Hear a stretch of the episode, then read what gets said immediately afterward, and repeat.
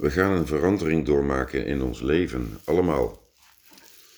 We gaan van een consumptiemaatschappij naar een andere vorm van maatschappij.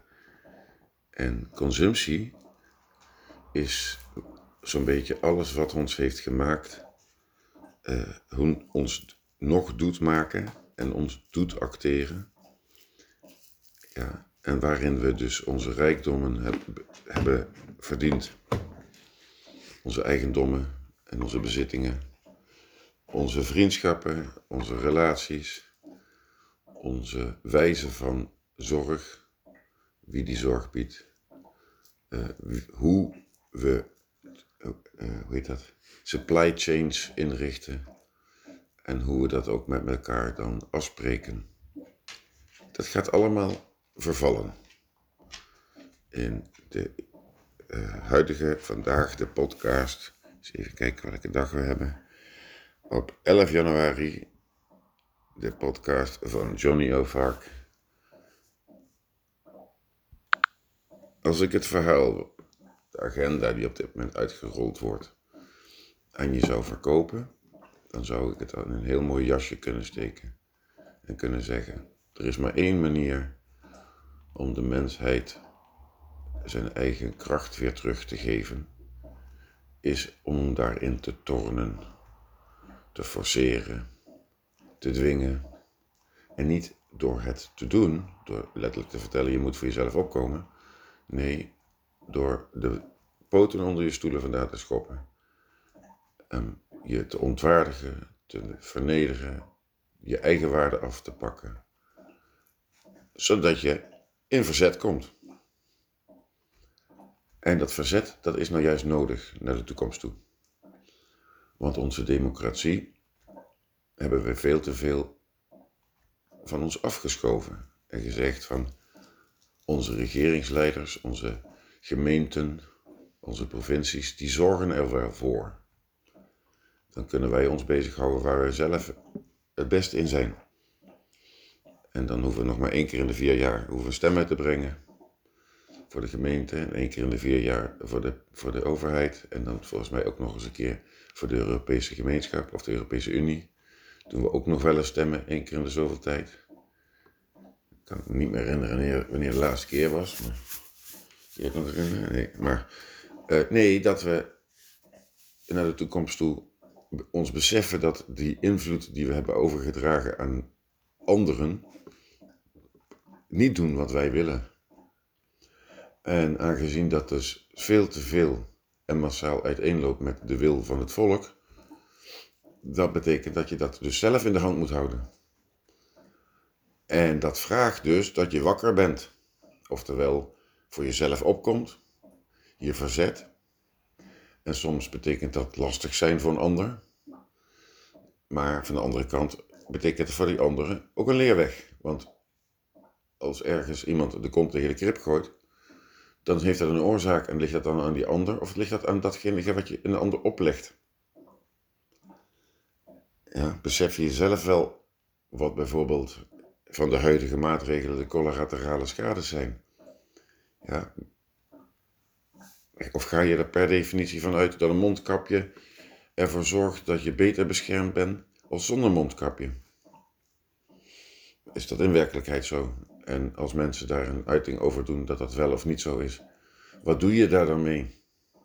Zelf, is dat onderdeel van jouw eigen risicotaxatie in, die je aangaat als je iets gaat doen in opdracht van of het een ander oplegt? Het is allemaal belangrijk om naar de toekomst toe te beseffen wat. Uh, als je in een uh, gezagsverhouding zit, wat dan je verantwoordelijkheden zijn naar een ander. En als die ander daarbij dan inspraak heeft dat hij dat ten alle tijde moet gebruiken en daar problemen mee heeft om het te uiten, dan zal je het moeten faciliteren in plaats van te zeggen, ah, heeft er nog iemand vragen? Oké, dan gaan we naar het volgende punt. Nee, zelf mensen motiveren om vragen te stellen. Dus je verhaal niet compleet maken. Zodat mensen vragen stellen en als er dan geen vragen gesteld worden, zeg je van ik had deze vraag eigenlijk verwacht. zodat mensen met elkaar in gesprek blijven. Dat men participeert. Dat men niet meer in een groep aansluit, stilletjes in de hoek gaat zitten en zeggen van... Goh, ik ben blij als het over is. Maar dat je bewust bezig bent met het onderwerp en je geïnteresseerd opstelt.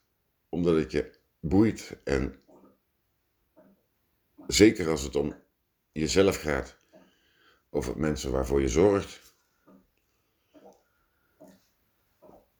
De nieuwe maatschappij die moet gaan uh, bestaan uit mensen die eigenaarschap bezitten.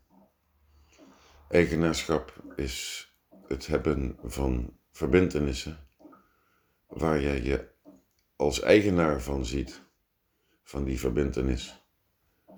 En in die eigenaarschap dus niet alleen voor jezelf zorgt, maar ook voor al die eigendommen die je daarmee hebt. En eigendommen zijn dan vriendschappen, relaties, eh, overeenkomsten met mensen die je met elkaar aangaat, op papier of mondeling. Dat je waardering kan uitspreken naar een ander en de krachten en talenten van een ander inzichtelijk wilt hebben. Dat je zelf wenselijk uitspreekt. En als je wijs bent en conclusies trekt, kritiek kunt aanvaarden, accepteren, je zelfs een kracht vindt als mensen dat doen. Ja, het zijn allemaal uh, persoonlijke eigenschappen die wij moeten gaan bezitten naar de toekomst toe. En velen al bezitten omdat men wakker is.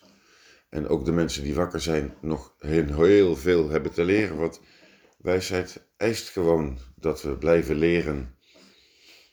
Dat niks uitgesproken is. Het wordt je nooit en altijd ja, taboes zijn.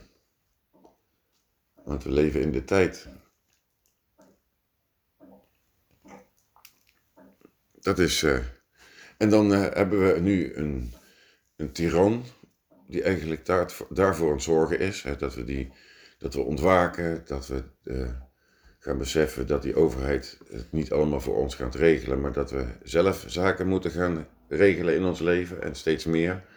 Vooral de mensen die zich ja, niet meegaan in het narratief en zeggen van ik wil niet, uh, geen mondkapje op, ik wil geen testen doen, ik wil geen vaccinaties meedoen, ik wil geen QR-paspoort, ik wil geen social credit systeem meer deelnemen. Dan zit je, je 100% onafhankelijk van die overheid.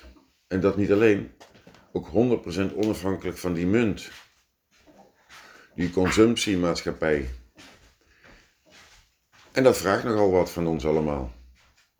De basis is dus ook wel dat het besef er moet zijn dat zorgen voor elkaar een behoefte is. Een behoefte is die in de Maslow-pyramide bovenaan je zelf eigenwaarde geeft. En cognitieve ontwikkeling is het ontbreken van die verbindenis die het beste uit je haalt een essentieel iets, die verbindenis in de zorg voor elkaar. Absoluut nodig. Dus ook niet te vermarkten meer naar een zorg. Van, weet je, ik heb daar geen verstand van, ik ben een elektricien, dus ga maar naar een dokter. En zo krijgt de dokter werkelijk waar elk probleem op dit moment op zijn bord.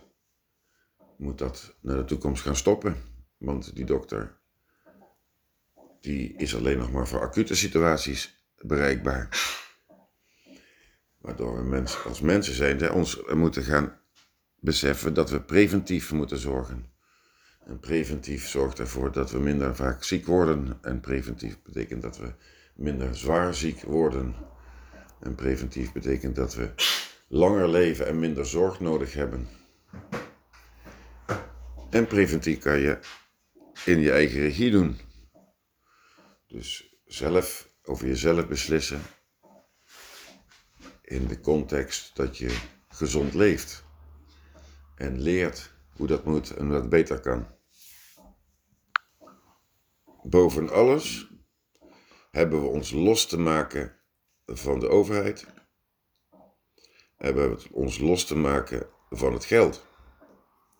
Een eigen munteenheid te gaan bezitten. En er zijn verschillende munteenheden eh, waarvan je gebruik zou kunnen maken. Over het algemeen, eh, vroeger was voeding eh, het eerste ruilmiddel waarmee je deed ruilen.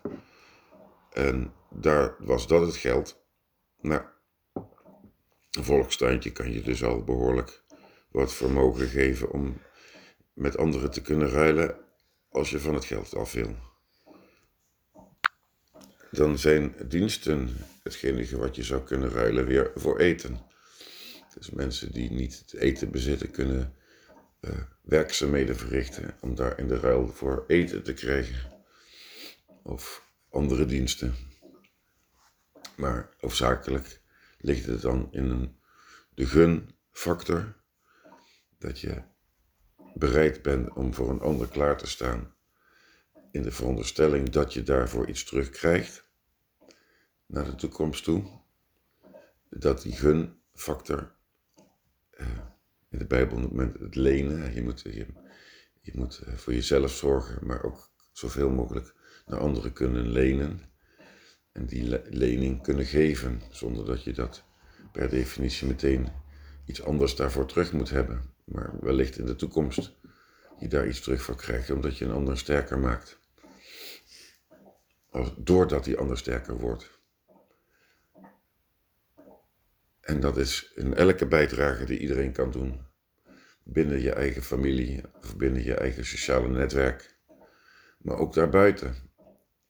Met vriendschappelijke netwerken. Of uh, met vrienden daarbuiten. Met uh, zakenpartners, etc. De Kamer van Sociale Waarden eh, verenigt mensen in de zorg voor elkaar ondersteunt mensen in het formeren van hun sociale netwerk en het constructief maken van hun sociale netwerk.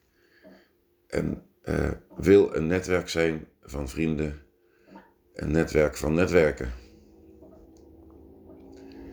Dat is uh, de stap naar de toekomst toe. Dus de mensen die zeggen, weet je, in deze oorlog, we hebben geen alternatief. Want wat, waar ben ik dadelijk nog zonder geld?